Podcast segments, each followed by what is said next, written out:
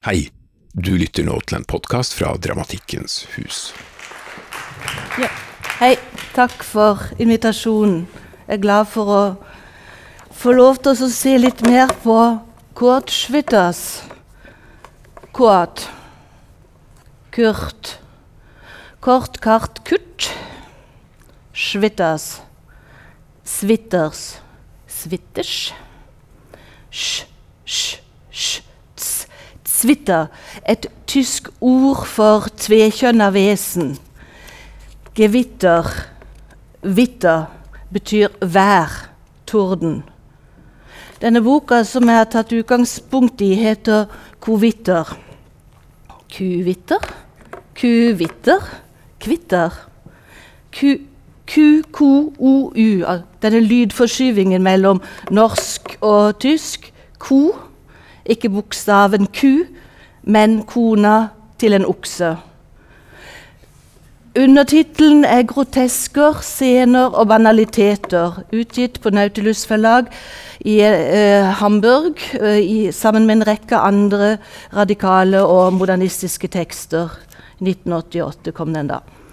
Og kvitter, for meg, så er det oksetorden. Jeg ble født den 20. juni 1887 i Hannover. Som barn hadde en liten hage med roser og jordbær, skriver Schwitters. Hvordan skrive om Schwitters uten å være Schwitters?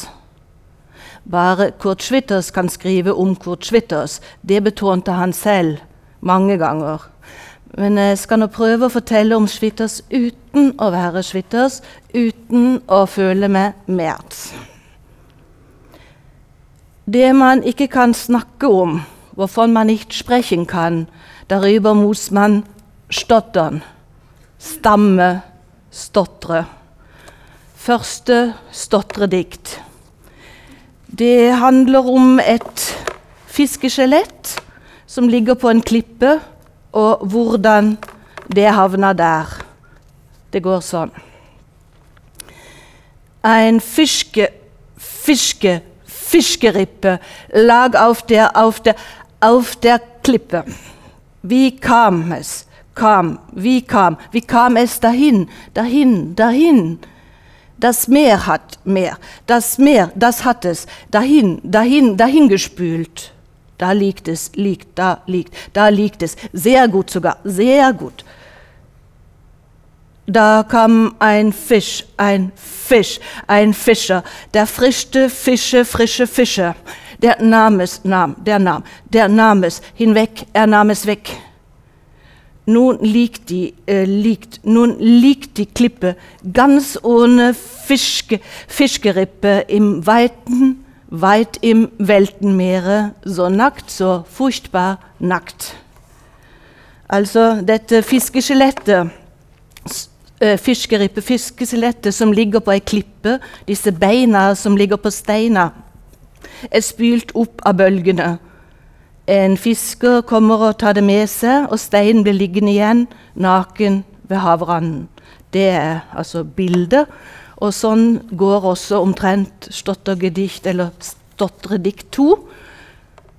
Stotredikt 3 det stammer på en litt annen måte. Jeg leser det også ein Fischke, ein Fisch, ein Fischgerippe lag auf der, auf der Klippe. Wie kam es? Wie kaka kam? Wie kam es dahin, dahin, dahin? Das Meer hat mehr, das Meer, das hat es dahin, dahin, dahin gespült. Da liegt es, da liegt, da liegt es, da liegt es. Sehr gut sogar, sehr gut. Da kam ein Fisch, ein Fisch, ein Fischer, der frischte Fische, frische Fische. Der nahm es, nahm es, nahm es, nahm es hinweg, er nahm es weg. Nun liegt, die liegt, da, nun liegt die Klippe ganz oh, oh, oh, oh, oh, oh, ne. Fiske, Fiskerippe. Im Weiten, Weiten, im Weltenmeere, so nackt, so furchtbar nackt. Og vi merker vi er på vei til ursonaten. Urverket i Schwitters Mertskunst. Men før vi kommer dit, så, eller før vi kan gå videre derfra, så må vi inn, innom første verdenskrig og Dada. Vi skal stoppe med forskjellige stasjoner i livsløpet og kunstnerskapet til Schwitters. Og jeg kommer til å konsentrere på det språklige og det auditive. Hodet er rundt slik at tankene kan forandre retning. Det er et sitat fra Pikabia, en av dadaistene. Det foregår i hodet. Mye av Schwitters teori var teori. Tankeeksperiment. Utopiske utkast. Hans gesamtverkstanker som inngår i Mertzbobla, skal jeg si litt om. Og teatertankene til Schwitters kunne en si mye mer om enn det jeg klarer her. Ja, jeg har heller ikke tatt med noen objekter, og lyset er som det pleier. Her har vi Der spasfogel, moroklumpen. Merz er et begrep som Schwitters henter fra Commerz, en privatbank, den fjerde største banken i Tyskland i dag. Merz klinger som skjærts, spøk, som nærts, mink, herz, hjerte, men også som merz, tysk for måneden, måneden mars. Det kan også ha opphav i merzen, noe en gjorde i mars, da dyra som skulle avlives, ble skilt ut. Begrepet blir altså brukt i både raseteori og handel, og det har med det å merke og kjennetegne noe. Kommers på norsk med K og S fra latin betyr handel og brukes synonymt med spektakkel, oppstyr, oppstyr leven, ståk. Ergo kvitter, oksetorden. I infoen til dette foredraget foreslår jeg å oversette merz til mers, mers. Men etter hvert så skjønte jeg at det ikke ville være riktig. Schwitters var Merz. Kunsten hans var Merz. Bilder, dikt, rom ble til Merz. Skulpturer, bosteder, sove- og arbeidsrom. Ja, hele livet sitt definerte han som Merz. Og jeg tror typografen i Schwitters likte setten, den siste bokstaven i det tyske alfabetet, like ikonsk som den norske Å-en. Mæsj ser ikke like vilt ut som Merz. Sett lynets tegn. Og For ikke å komme inn på den russiske forkjærligheten for setten nå, så trekker jeg inn en annen anekdote. En norsk musiker går inn i en musikkbutikk i Berlin og spør «Haben Sie Mozart. Han ble ikke forstått. Han sa ikke 'Mozart'. Det er ikke så altfor mye av Schwitters på norsk i norsk språkdrakt. Lars Fiske har utgitt denne flotte boka 'Herr Mertz' på No Comprendo Press for et par år siden, eller kom i fjor. En uh, Schwitter-biografisk tegneserie med grunnlag i det typografiske arbeidet til Schwitters. Den er absolutt å anbefale. Ja. Schwitters kom fra Hannover i Niedersachsen, hvor de snakker Hochdeutsch, høytysk, et standardtysk. Han bodde i Waldhausenstrasse med kone og barn.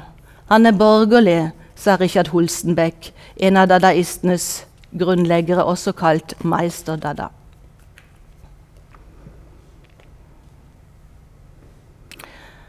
Schwitters var allsidig.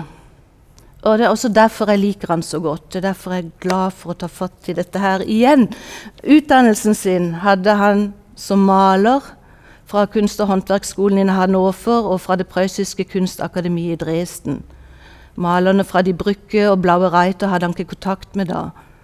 På akademiet lærte han hvordan føre en pensel, hvordan avbilde virkeligheten slik den er, noe han brøt med. Første utstillingen var i 1918, invitert eller kuratert av Hevert Walden i Berlin samme år som sønnen Ernst ble født. Han gifta seg med Helma Fischer i 1915. Året etter kom første barn, som døde et uke år gammelt.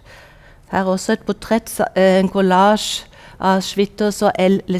Lesitsky, russisk, eh, fra 1924. Schwitters var heldig som hadde ei kone som Helma.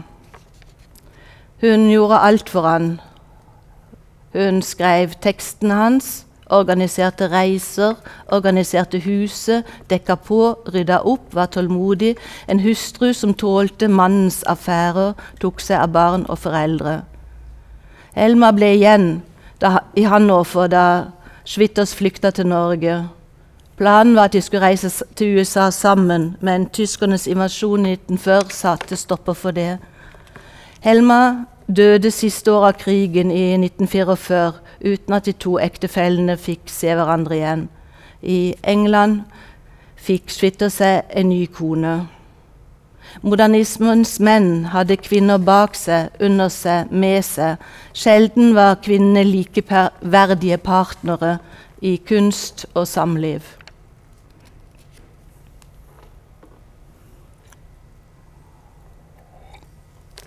Det første Mertz-bildet det er eh, psykiateren fra 1990, 1919. De borgerlige idealer på begynnelsen av 1900-tallet var Bieder, Biedermeier. En hører det i ordet. Noe innskrenkende. Oppkalt etter keiser Wilhelm 2., han som var så glad i Ålesund, og som ønska å skaffe Tyskland en plass under solen. Wilhelmismen sto for tilbaketrekning i det private, resignasjon, ikke på noen måte politisk engasjement, aksept av gitte samfunnsmessige forhold, status quo. En lengsel etter hjemstadens idyll, familie som ideal, dyp kontakt med jorda, en binding til naturen og ikke minst religiøsitet mens militærindustrien vokste. Familien Schwitters levde i et storborgerlig fred, generasjonsbolig. Et hjem som Kurt, Kurt gjorde om til et Mertsbygg. Han bygga og bygga ut denne huset til en, eh, en, skul en skulptur han kalte det Mersbygg, inntil han måtte flykte og dra i eksil.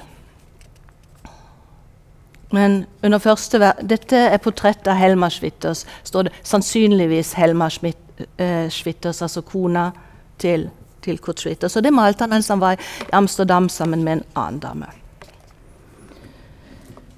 Uh, under første verdenskrig ble Schwitters innkalt til militærtjeneste, men han ble dimittert etter tre måneder fordi han var ustabil. Schwitters hadde epilepsi og depresjoner slapp han heldigvis fra fronten og ble sendt til tvangsarbeid som teknisk tegner i et jernverk.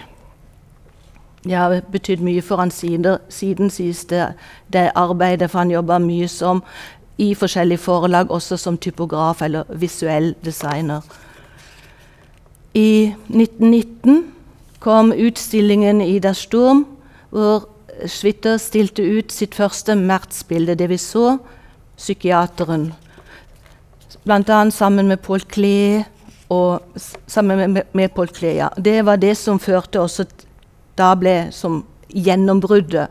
Også det første Mertz-diktet til Anna, Schwitt, an, til Anna Blomst, det kommer vi tilbake til, ble publisert. Eh, samme år kom han også i kontakt ja, til Anna Blome. Eh, kom han også i kontakt med Dada, da var han 32 år gammel. Dada-bevegelsen hadde sitt utspring i Cabaret Voltaire. I ly av første verdenskrig fant kunstnere fra forskjellige land og kunstgrener sammen i Zürich i 1916. Dada forklart for barn var en kunstretning som satte spørsmålstegn ved hele kunsthistorien. Dada gjorde narr av autoritet og underdanighet. Krigen hadde gjort at mange hadde mista troen på konservative og borgerlige verdier. Kunstnerne gjorde opprør mot militarisme og propaganda.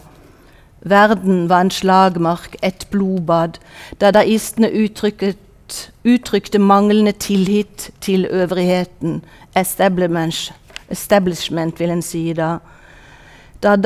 Dadaistene ville befri kunsten fra tvang, tradisjon og lydighet. Ja, det er også derfor jeg syns det er viktig å ta fram impulsen fra Dada i dag. Det var pasifister som møttes i det nøytrale Sveits. Hugo Ball, Emily Hemmings, Richard Holstenbeck, Hans Arp, Sofie Teuber og mange flere. Lenin var også innom Cabaret Voltaire. Foruten deres pasifistiske sinnelag utøvde dadaistene en protest mot institusjonaliseringen av kunst, mot det å gjøre den formålstjenlig. Ingen betydning, sa Schwitzers om sin dada-inspirerte Merz, annet enn jeg selv legger i den. Betydning, hensikt, formål. Ingen grunn til å delta eller til å fortsette å lage kunst som passer inn i det kapitalistiske samfunnet.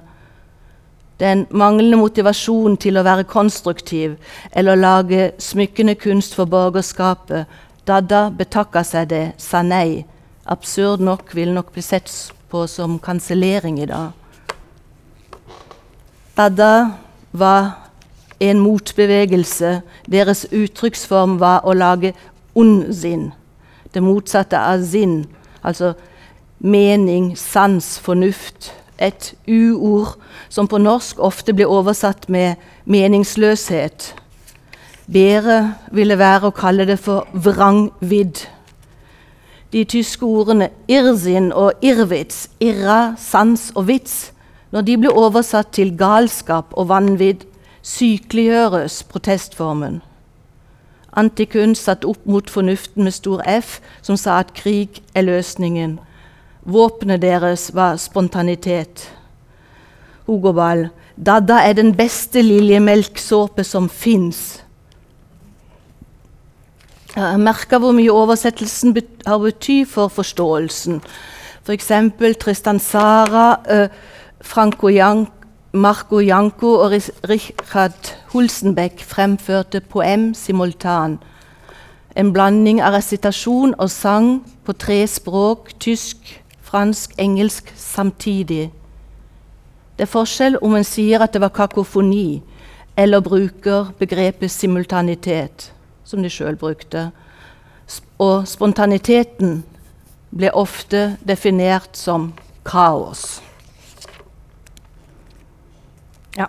Kjent er Hugo Balls opptreden som magisk biskop hvor han har på seg et sånt kubistisk kostyme og fremfører Champa Vulla Vulla ja, du, Jeg tror vi heller tar oss og spiller det som er 100 år seinere. Einstürzen Neubauten har en som heter 'Let's do it at Dada'. Og da, da opptrer en, en Unro med en Dada-tekst, en Hugo Ball-tekst, forkledd som Hugo Ball.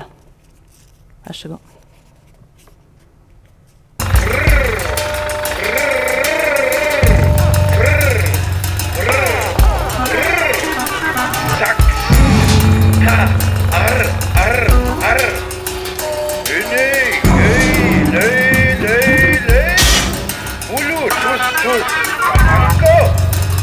Taco Ibrahanko Kavara Kaskas Tu Mulriliro Ulge Fatsi Enskevo Avanti Let's do it, let's do it, let's do it, ah da da.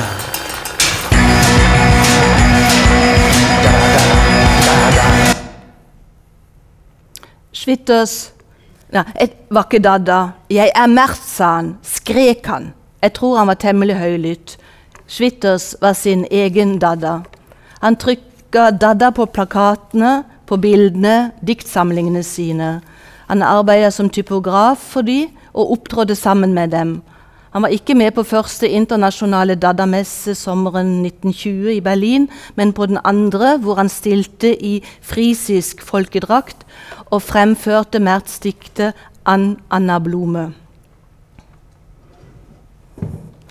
Til Anna Blo ja, det er den plakaten. Han trykka det opp på plakater, sånne Litfas-søyler, sånne runde, runde, søyler hvor det er annonse og plakater. Og så hadde det rundt om i hele byen. Det, er, øh, det fikk en blanda mottagelse. Polariserte publikum, ble det sagt. Og noen krevde at Schwitters måtte legges inn på, på sinnssykehus. Uh, det til Anna Blomst. Det går sånn. Du, å du, min elskede 27 sans, jeg elsker du. Kommentar. En grammatisk feil, en av de mest kjente feilene i tysk lyrikk. Du, deg, din, dine, jeg, de, du, mi, vi. Det hører lett henslengt ikke med. Kommentar. Beiläufig, forbigående, lett henslengt, tilfeldigvis, står i parentes. Og jeg leser det som en sceneanvisning. I andre norske oversettelser står det 'forresten'. Hvem er du? uttalte. Kommentar. Uttalte, ikke uttalte eller uuttalte. Det kommer fra det å telle i fortid. Telle, talte, telt. Det står 'ungezähltest', men det klinger som 'ungezähmtes', altså utemmet, sprelsk. Det står 'Frauenzimmer', som direkte oversatt betyr dameværelse, men vi sier vel heller kvinnfolk eller tøyte. Altså Hvem er du? Uttalte tøyte. Du er du. Folk sier at du kunne være La dem prate, de vet ikke hvor kjerka står. Du bærer hatten din på føttene og vandrer på hendene, på hendene vandrer du.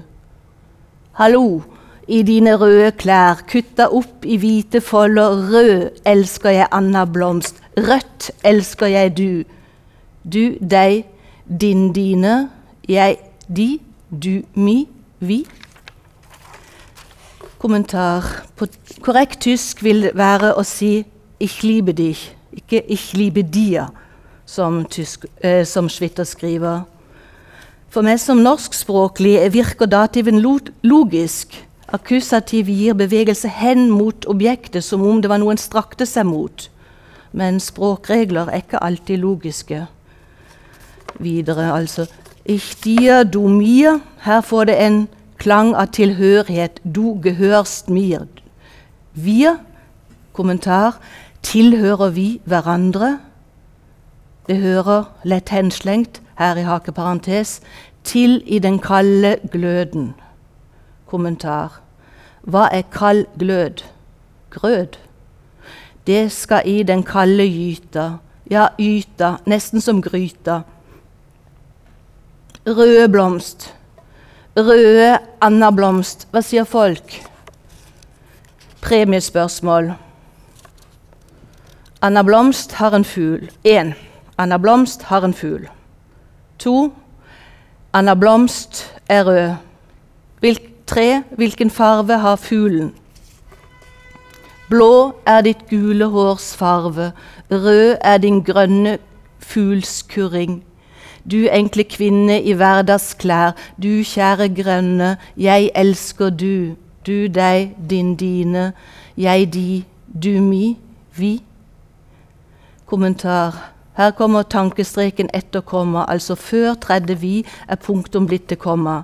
Men når vi ser på tegnsettingen i norske bøker i dag, vi Det hører lett henslengt til i glødekista. Brannkista, mener han. Verktøyskassa. Loddekista. Gløde, løde, lodde. I alle fall er det varmt i den kokende gyta. På engelsk 'glowing brazier kessel', altså der hvor fettet smelter. Anna Blomst, Anna, A-N A-N-A. Jeg drypper navnet ditt. Navnet ditt drypper som myk talg. Rindertalg, som er tysk, er storfettalg. Voks står det i en annen norsk oversettelse. Men voks kommer fra biene. Og Schwitter, som var så materialbevisst, det kan ikke være voks. Vet du, Anna, kjenner du det? En kan lese deg baklengs om en vil, og du, du vakreste av alle, du er bakfra som forfra. A-N-N-A. Dyrefett drypper, kjærtegner ryggen min. Anna Blomst, du dryppende dyr, du gjør meg yr. Nei, altså. Anna Blomst, du dyre, bare jeg elsker du. Uh, I oversettelse til norsk så har denne feilen blitt til 'jeg elsker ditt', altså en eiendomsform. For meg er det viktigere å bruke nominativ som sidestiller pronomene 'jeg', 'du', bundet sammen av verbet 'å elske'. For 'ich liebe dir' er ikke bare en feil. Det er berlindialekt, som ikke kan se forskjell på kasus. Og det gir mening på tysk. Det statiske i dativen. Det er nesten som et 'jeg elsker i deg'. Jeget forblir i den andre, selv om de to elskede, elskende ikke danner et vi. Ja. Det er et kjærlighetsdikt, og ikke bare til kunsten. En kjærlighetserklæring til deg, du den andre, til Anna, du blomst forgjengelig. Dette var for estetisk for dadaisten Hulsenbeck. Han mente det var idealistisk, og da mente han søtlatent. Riktignok ble denne idealismen nedtonet av galskap. Men ja, dadaistene var uenige i så mangt. Og en annen kritiker mente at Anna Blomst var en kjærlighetserklæring som tar opp det enkle, det foraktede, det antatt lurvede, og erklærer det for verdifullt. Det antatt lurvede. Langt fra Elliot's Wasteland, langt fra Pounds Cantos til Anna Blomst er ikke opphøyd, men konkret.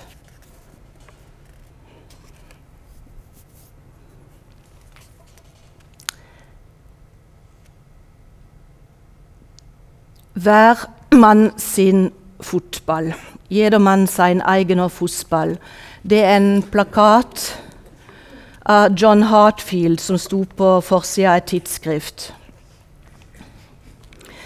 Ekskurs Treptower Park, Berlin 1990, hvor baktruppen, en av norsk avantgardes baktropp, lot seg inspirere av denne kollasjen og arrangerte en fotballkamp mellom Ibsens kvinner og Strindbergs menn. Vi valgte våre rollefigurer ut ifra de to stykkene, og vi kunne spille deres nykker og rykker, men det gjaldt å få ballen i mål. Strindbergs menn vant 5-3. Ballen het Hugo. Schwitters lekte med bokstaver, med stavemåte, rettskriving. Derfor blir han kalt ortografireformator.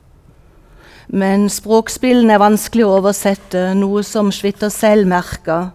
Da han bodde i eksil i England, oversatte han til Anna Blomst sammen med sin engelske kone der, og diktet fikk en ny, ny versjon, 'To Eve Blossom'. Det er også derfor det finnes forskjellige versjoner. Jeg tror den norske oversettelsen, andre oversettelser tar utgangspunkt i den engelske.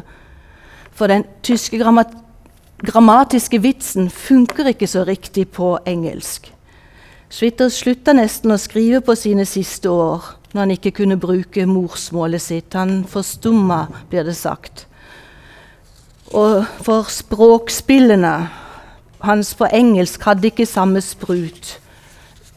Lyddikt lar seg knapt oversette. Og grunnen til at jeg kommer trekkende, En av grunnene til at jeg kommer trekkende med Schwitters i dag, det er at jeg for halvannet år siden uh, hadde et samarbeid med Sprechborer, og, uh, og som jobber med lyddikt. Og de har en fremføring av ursonaten, og jeg fikk høre ursonaten igjen, denne ur-ordsprung. Ja, vi hører, på, vi hører på den først. Et utdrag av Schwitters leser, eh, eh, Äh, äh, leser fra 1932. Kurt Schwitters spricht Teile seiner Sonate mit Urlauten. O Derbeba, Derbeba, Pimsbe, Rbeba, Pimsbebe, Bepimsbebe, Te, Pimsbebe, Te, Zeu, Pegit, Quie, that the Sunhunr Iem Pipto Duka Rinsak the baby Hinskermu Tio Hinsetio Rinskermu Racket baby Rum Tupto Tio Hinsetio Hinskermu Tio Hinsetio Rinskermu Racket baby Racket BC Fums Bava Tetseu UCTVB Fums O B B B B B. O T T T T T. O Rinzakata B B. O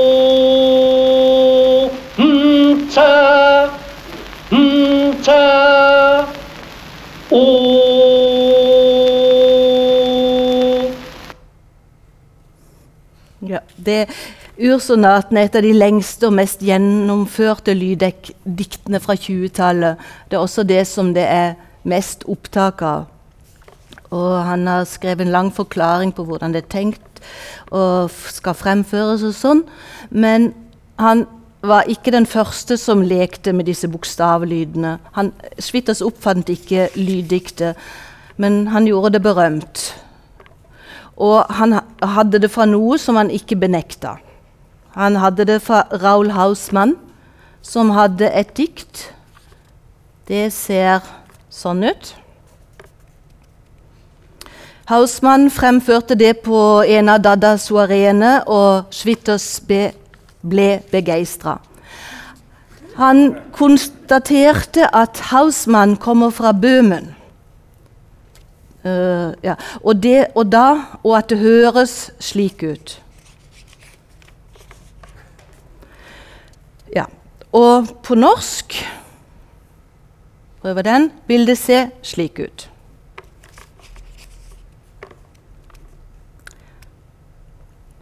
Altså den forklaringa av hvordan dette her skal fremføres. Der ser han putter inn vokalene. D-D-S-N-N-N er Dresden. PRA er en fordreining av arp. Og rakete, rakete, rakete, rakete er selvfølgelig ikke noe annet enn rakett. Han skriver Når vet jeg så inderlig vel at man gjennom forklaring ikke kommer noe nærmere et kunstverk.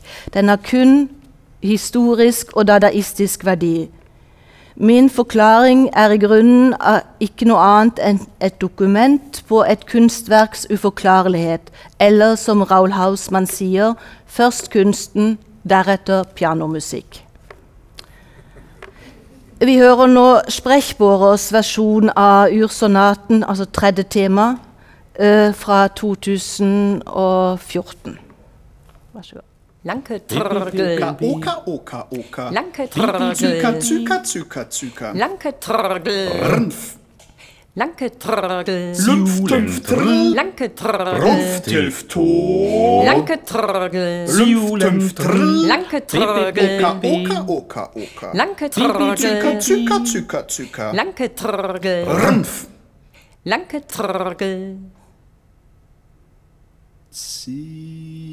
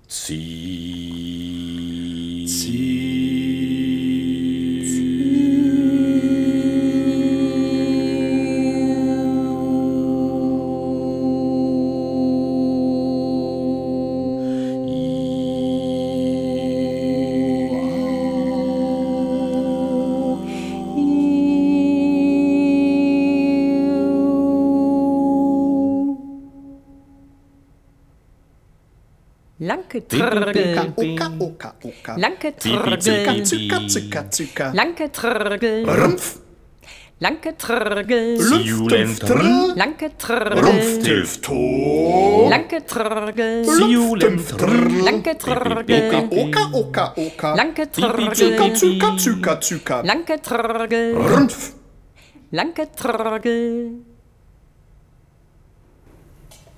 Sprechbårer, språkbårene som vi hørte, det er Sigrid Sakse, Harald Møns og Georg Sakse. Det er en fonetisk musikalsk språkkunsttrio. Tr- Altså musikere og komponister som har spesialisert seg på å fremføre visuell og konkret poesi. Nye komposisjoner av forfattere og musikere som arbeider i grenselandet mellom lyd og tale. Trioen baserer sin fremføring på IPA, The International Phonetic Alphabet, det internasjonale fonetiske alfabetet, lydskrift som en bruker når en skal lære et fremmedspråk. Det er deres verktøy, og ut ifra IPA-tegnene kan de lese hvor lydene er anatomisk plassert i munnhulen. Og Derfor kan de også lese og uttale eh, fremmede språk, eller språk de ikke kan, og dialekter ut ifra lydtegnene. Eh, de har en del også andre Schwitters-dikt på repertoaret. De har f.eks. Schwitters VV-dikt. Vær så god. VV, PBD ZFM RF RF TZPF TZPF RFMR RKT PCT SW SW KPT F G. KPT R Z. KPT RZL TZPF TZPF HFTL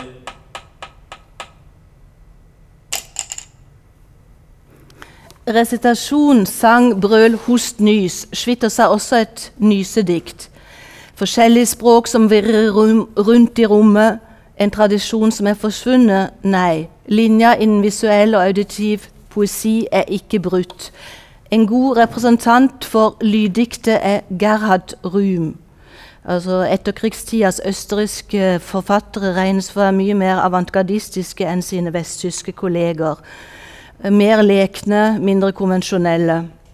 Eh, Det er denne her uh, Wiener-gruppa med også Jandl, Artmann, Mayrøcker, Osvald Wiener tilhørte. Men her har vi et opptak fra uh, Gerhard Ruhm og Konrad Beyer i fellesarbeid, Gemeinschaftsarbeiten, fra slutten av 50-tallet. Vær så god. Bissen Brot. Ich er snispstes er amps ufi oen sni ein echni ipe deens teugen gebrlei ile a as n beet in des eis u e ep ik i in ir sen r s üf ab. El ins n si o r bil m geta an l gi a mein o nisen r eis fach in et li u liske n bitte nas ips sten r s be bei oi er ik be ni bo u di i e de r be ri i fla ech i es r n s n ü l sie gabt saß eilens n ch ein und ense ich sen es sich, hm, es lienen da geh ihn, aber ließ rot üb, sag bis viel er sie gen ihm bis, und in das eh ich en ließen viel eines ließen üb, dar ihm es sag ich ihm en sen, und es es da erse viel gen ei rot ihn üb sich gab, ließ lieb bis, sagen ihm Brot es darüber viel gab, und essen sagen bissen ließe einen ich, ließe sich in ich in Ja, jeg burde kanskje ha oversatt dette her, men lyddikt er vanskelig å oversette. Og Gerhard Rym kan en høre live fremdeles. Han var på bokmessa i Leipzig nå i helga, sånn at dette er noe som en kan høre fremdeles på forskjellige litteraturfestivaler. Og så må jeg nevne en kuriositet, men også en sånn ikon innenfor lyd- og språkmusikk. Hanske Helms, som fremfører Fam Am Aniskov. Eh, Vi kan, vi, kan, vi kan se på det. Mm? Han øh, leser Ja. Diese Kirren kreuzversippten hinken und tingeln ein drein und ob Blöken waneinander, die Fazialien verschnürriegelt. Allroundliche Kompetenzen wie der parteierne Bundschuh, Anhängern voller 3-2-Einfaltigkeit. Asser Schmu ist der Mächten, sie anherrsche die Behirnen von die Kapiratslicks, die an jeder einer seine Fluktionär und er Glied mit von a Kader, wo's hot a Ziel, keins als viel, wobei ist zu gemerken die Akzimtrick auf die Elfte angeboten.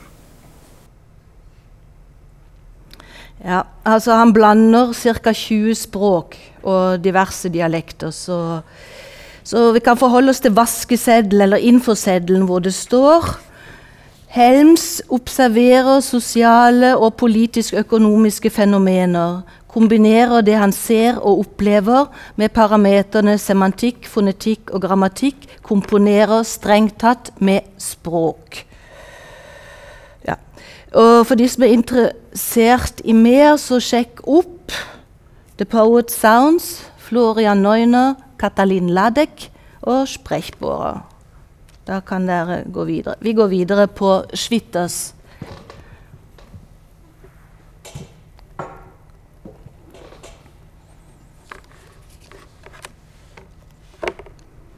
Collage.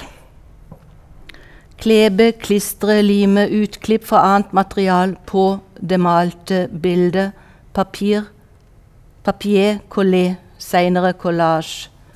Foruten disse politiske plakatene til John Hartfield er kollasjene til Hanna Høch, kalt 'Kutt med kjøkkenkniven', viktig i denne sammenhengen. Og denne teknikken er også noe som Schwitters brukte i sine Mertz-bilder. Det var fire kollasjer vi så av Schwitters her nå. Tapet, reklameplakater, illustrasjoner, skriftbilder fra aviser og magasiner, rester fra trykkeriet han jobba i, material fra hverdagslivet ble satt inn i bildet og kontrastert med maling. Noen mente han måtte kompensere fordi han var en dårlig maler. Så samla han alt mulig skrap, søppel, avfall, ting til overs. Ting som har falt av, falt av lasset, ting som var skrota, skrot. Og det lukta vondt. Hverdagstid stinker. Jeg elsker hygienisk renslighet, kvitrer Schwitters. Det er maling og terpentin som stinker. Og vær vennlig og hold hunden deres i bånd.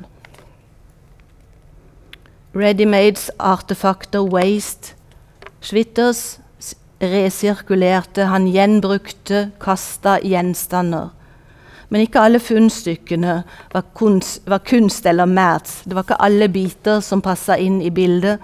For Schwitters var det ikke vilkårlig. Og i den boka til Lars Fiske så er det en veldig fin eh, eh, episode fra uh, Schwitter som går på stranda sammen med Hans Arp, og Hans Arp Mert.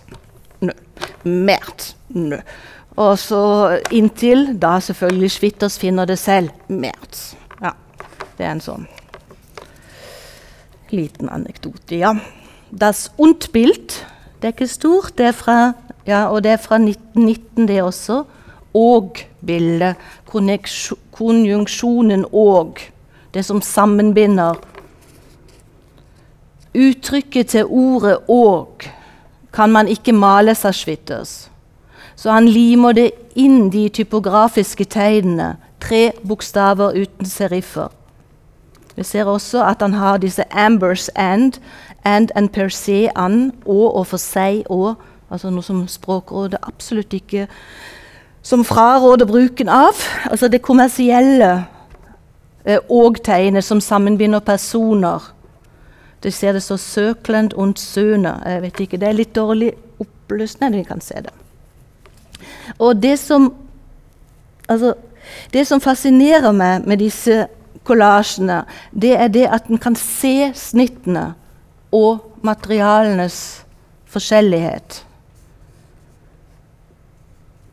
Den, eh, jeg har tenkt av og til sånn at den kollasjteknikken kan overføres til andre felt, også til dramaturgi. I hvert fall så har det blitt en inspirasjon til hvordan arbeide med sceniske tekster og tekst som material i performance. Med å ta utgangspunkt i en samling av tekster fra forskjellige kilder, fra nyhetsmeldinger, vitenskapelige definisjoner, sitat fra kolleger, utsagn hørt på gata på trikken, gjenfortelling av prøvesituasjon og dialogfragmenter. Ja, assemblage. En romlig utvidelse ved at det monterte materialet stikker ut av bildet, så blir det tredimensjonalt. Hele tiden der har vi også en tredimensjonal, en utvidelse, som vi ser også det går videre når han utvider det til å innbefatte hele rom. Men det går hele tiden på å ikke etterligne virkeligheten, men skape en ny virkelighet som er bildet. Det kjente sitatet fra Paul Klee på norsk. Kunst gir, gjengir ikke det synlige, men gjør synbart. Bildet som oppstår, har sin egen virkelighet. En uh, annet begrep vi kommer for Schwitters er brødkunst. Dere har kanskje hørt det, og det er også litt morsomt da med Schwitters. Han, han er så konkret på alt sammen, så brødkunst, det var det han malte. eh, Naturalistiske portretter og landskapsbilder på oppdrag for velsituerte venner og kolleger og borgerskap. Også en god del venner i Norge så, som kunne betale for å få et portrett. Det var det han kalte for bråtbilder. Malt for å kunne kjøpe brød. Riktignok var han skuffa over at det var brødkunsten og ikke merst som folk ville ha. Og som nevnte, så var Schwitters regelmessig Altså familien Schwitters dro regelmessig til Norge. Der har vi et bilde fra Djupvasshytta i tåke, heter det. Og det er typ, altså dette er et brødbilde. De dro til Vestlandet. altså Av og til dro Switters alene, av og til med ei elskerinne. De var i djup, djupvasshytta i Geiranger og på Hjertøya utenfor Molde. At hjertet er herts, er nok riktig for en merts. Ja. Her er vel bildet av steinhytta eller potetkjeller på kjelleren på, på Hjertøya. Det er et bilde fra 2013, hvor familien Schwitters tilbrakte mange somre. Um, han gjorde også denne potetkjelleren om til et mertsbygg.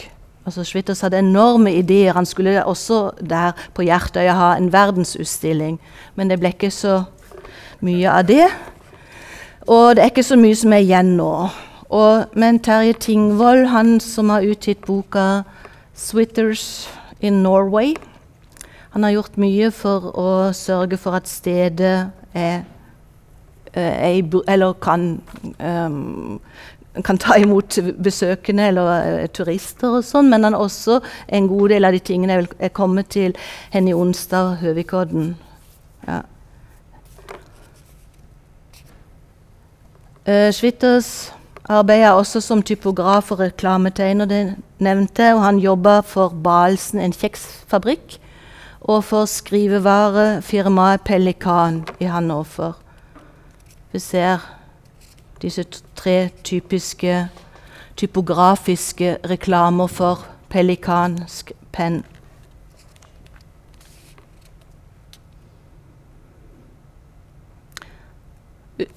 Utover 30-tallet ble Tyskland politisert og ensretta.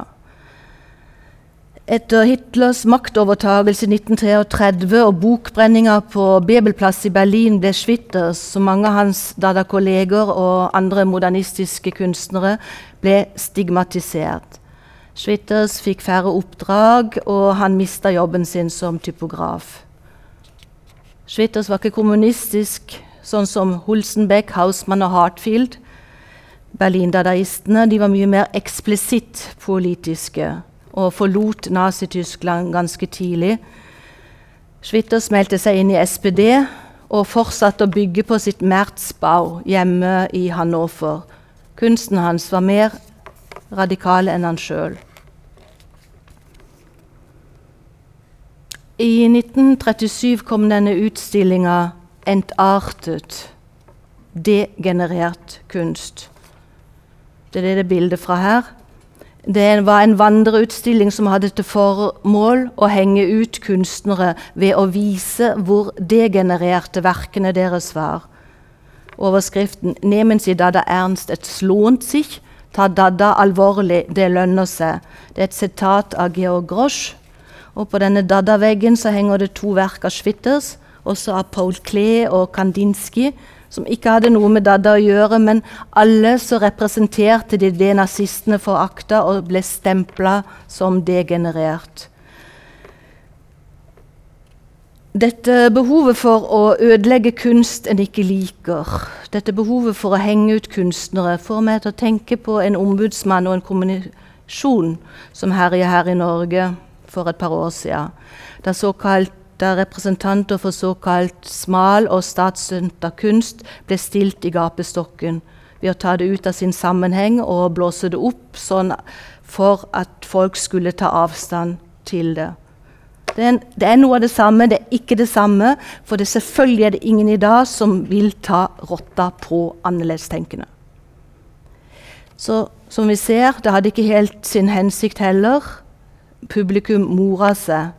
Men utstillinga til kunst' fikk Schwitters til å skjønne at nazistene ikke var harmløse. Naboene forsvant. Naboer med jødisk opprinnelse ble fjerna. Og familien bestemte seg for å flykte. Men det var bare altså Kurt og sønnen Ernst som dro. Og i hjemmet sitt, der i ble, bygde han videre på sitt Mertsbygg. Altså det er et skulpturelt, arkitektonisk prosjekt. Dette her er en assemblage.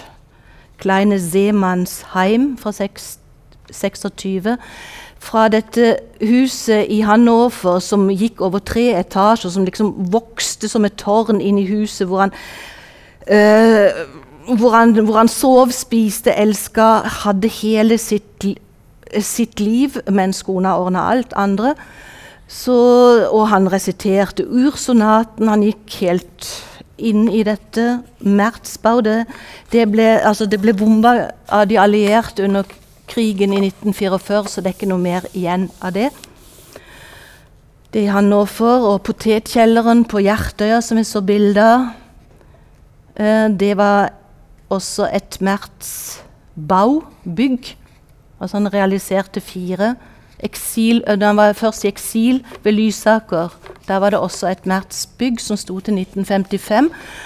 Inntil noen barn satte det i brann. Ja.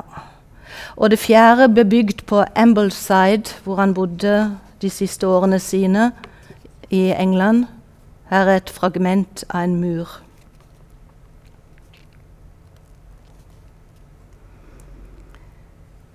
Vi tar litt Det går kanskje litt for lang tid, men jeg må også innom Mertsbyene. Merts teater. Mertsbyene, altså byene. Eh, med dette begrepet, det er fra det, en, eh, en artikkel fra, ni, eh, fra 1919. Og da utvider han Merts-begrepet også til å omfatte rom og framføring. Han skriver om Mertz som et gesamtkunstverk. Gesamt er noe felles, noe samla, som kan danne en helhet i, i et rom. På norsk er det ofte blitt oversatt med totalteater. Totalteater er derimot et begrep som Walter Gropius fra Bauhaus brukte på sin scenemodell. Det totale scenerommet, altså sammen med Ervin Piscator. Eller på grunnlag av Piscators ideer lagde Gropius et utkast til et scenerom som ble presentert på Bauhaus i 27, og heller aldri realisert som så. Totalt, altomfattende, ingenting til overs, ingen pustehull, sideblikk, distraksjon. Et totalt kontrollert scenerom, eller totalt fleksibelt. Totalitært. Hvorfor ikke egalitært? Med Goebbels tale 'Voldt ir den totalen krig'. skrek den tyske propagandaministeren i 43, så har, i hvert fall for min del, det totale fått en negativ, med, ne negativ medklang. Så la oss heller se bruddene. Restene, skårene. Lage nytt, splitter, ikke gjenta. Lyden fra slagmarken, granatsplitter i hodet. Ut fra ruinene, lage noe nytt. Kaputt war sowieso alles. Es galt aus den Scherben Neuen zu bauen. Das ist aber März. Det var Schwitters. Men en kan ta en parallell til Walter Benjamins tekst om historiens engel, basert på et motiv malt av Paul Klee, 'Angelos Novos', fra 1920.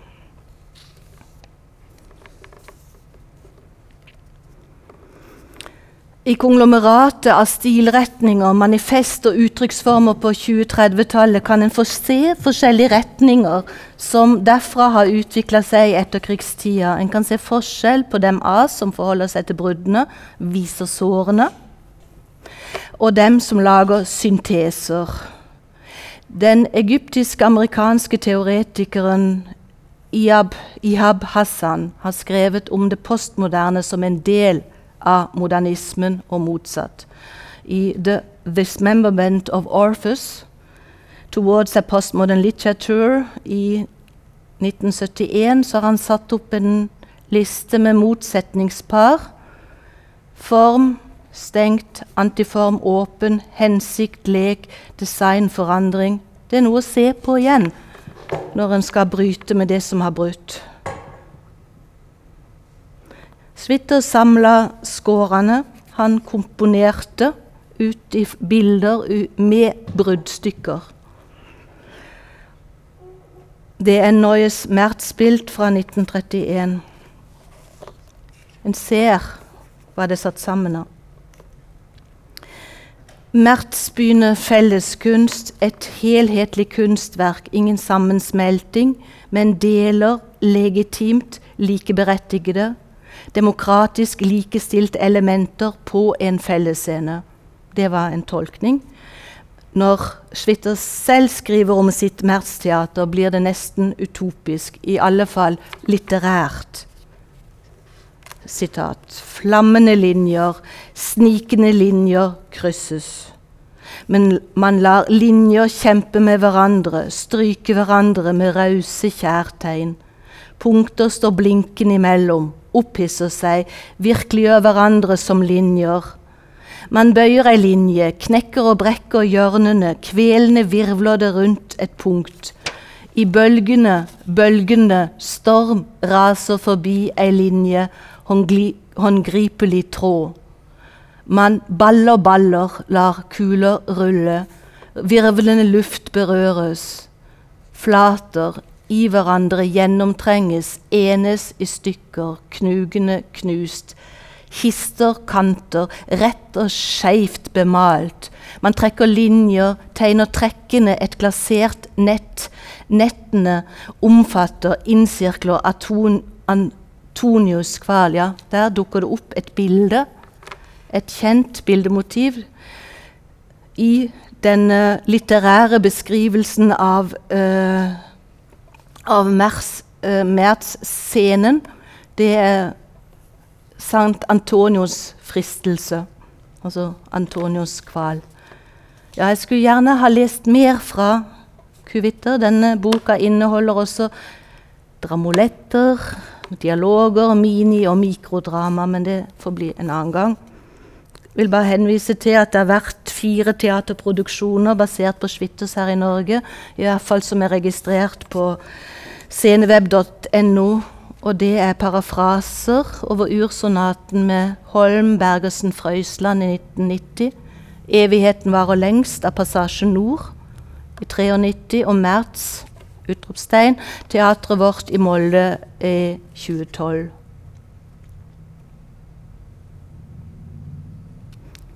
Eplestykket med grønne blad fra 1936? spørsmålstegn.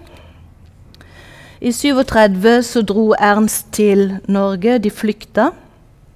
Og de hadde store problemer med å få oppholdstillatelse i Norge. Norske myndigheter var redde for å beholde en degenerert tysker. Så rett etter maktovertagelsen måtte de forlate landet og dro med båt over til England, til Isle of Man.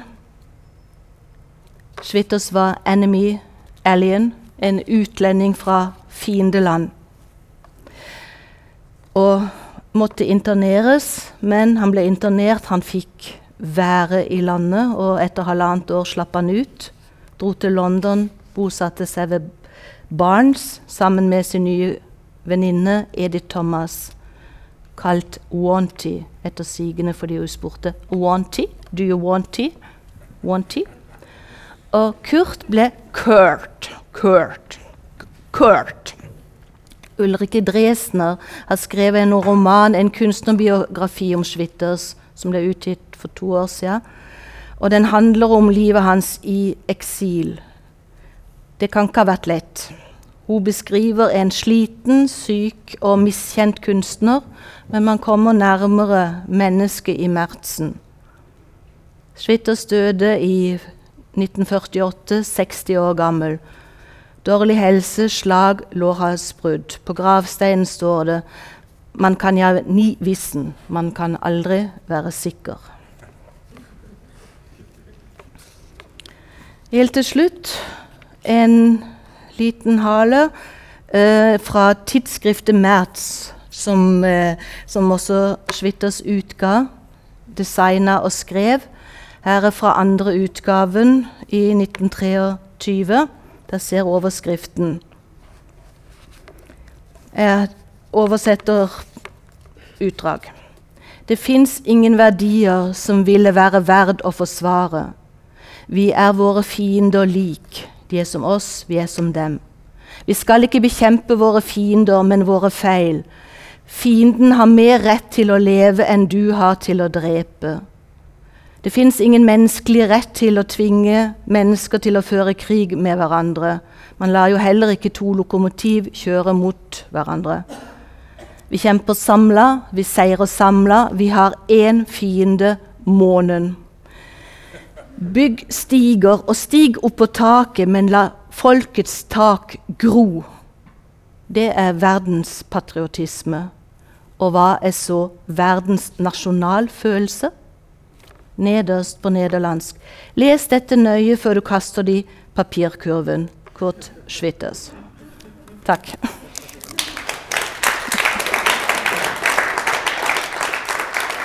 Du har hørt en podkast fra Dramatikkens hus.